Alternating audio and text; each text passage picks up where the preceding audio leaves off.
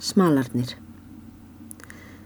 Dægin eftir er þókunin létti upp og einar sendur um fótaferðatíma til að leita þess fjárins er vantað hafi um kvöldið áður og var hann ókomin um mjölda mál.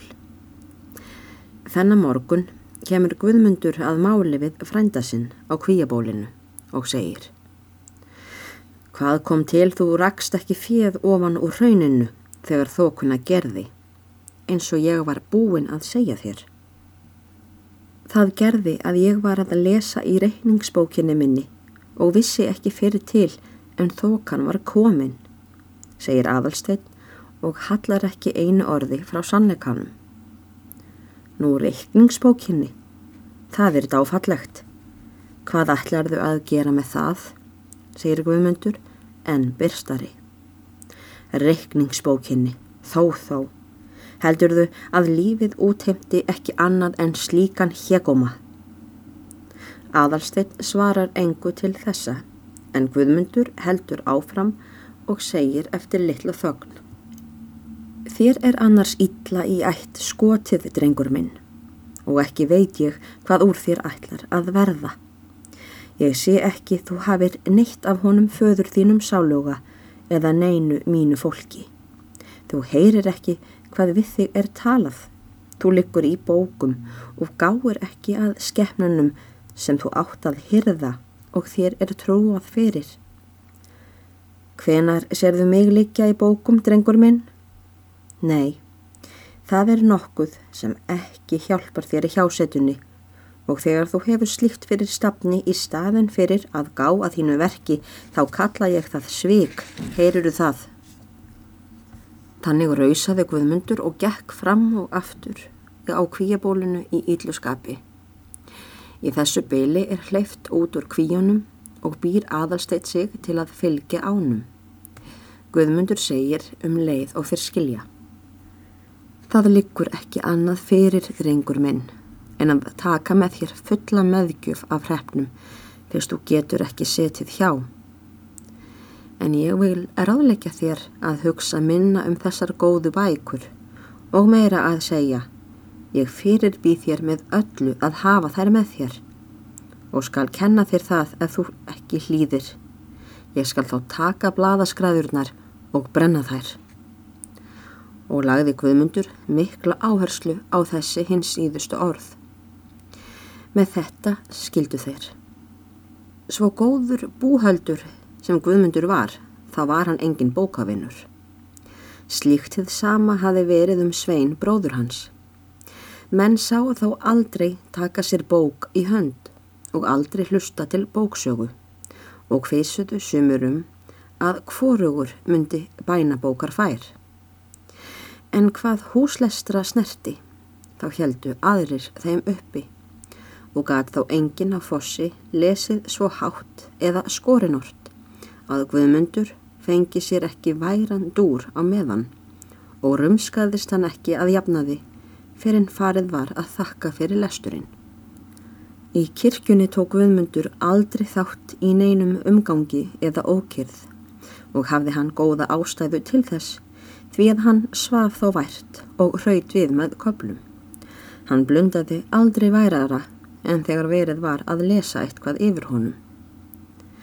Af þessu er það mjög eðlilegt þó að honum sárnaði nú þegar erðnar hans ekki aðeins týndust heldur týndust fyrir bókalestur smalans og var það því síður fyrirgemanlegt sem sjálfur smalin var komin af stóragilsættinni.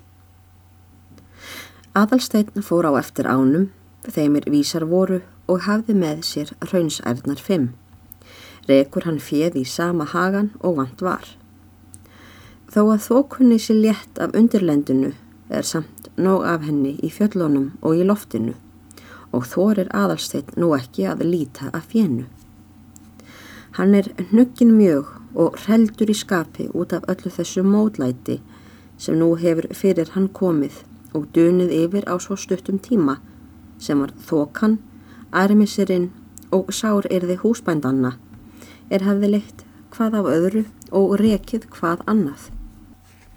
Mest sveið honum það er föðrubróðir hans hafi sagt við hann á kvíabólinu að hann væri ólíkur sínum og ekki haldandi meðgjafar löst af hrefnum.